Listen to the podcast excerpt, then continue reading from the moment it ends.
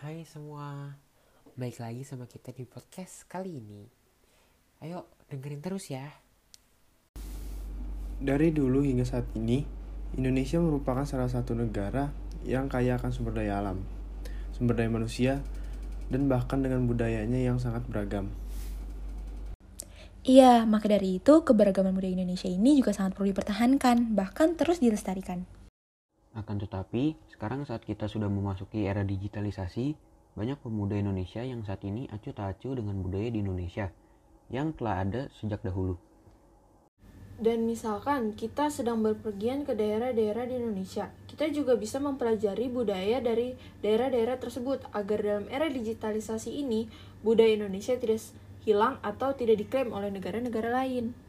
Nah, seharusnya dengan sudah adanya kasus pengklaiman budaya Indonesia dari negara asing, seharusnya masyarakat itu lebih mengangkat budaya Indonesia agar permasalahan yang sama itu tidak terulang kembali.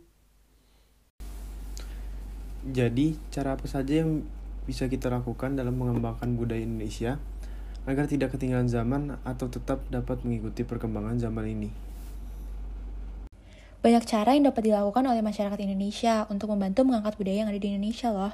Salah satunya, menggunakan wastra Indonesia dalam berbusana seperti tenun, batik, lurik, yang saat ini sudah banyak didesain sedemikian rupa sehingga tetap modis dan mengikuti zaman. Selain itu, banyak cara yang bisa kita lakukan untuk tetap dapat melestarikan budaya Indonesia ini.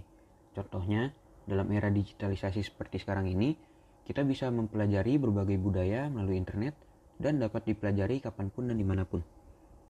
Benar, hal tersebut juga membawa dampak negatif bagi budaya di Indonesia. Contohnya banyaknya kasus klaim budaya yang sudah pernah dihadapi oleh Indonesia, mulai dari kain batik hingga tari reok dari Ponorogo. Makasih semuanya udah dengerin podcast kita episode kali ini.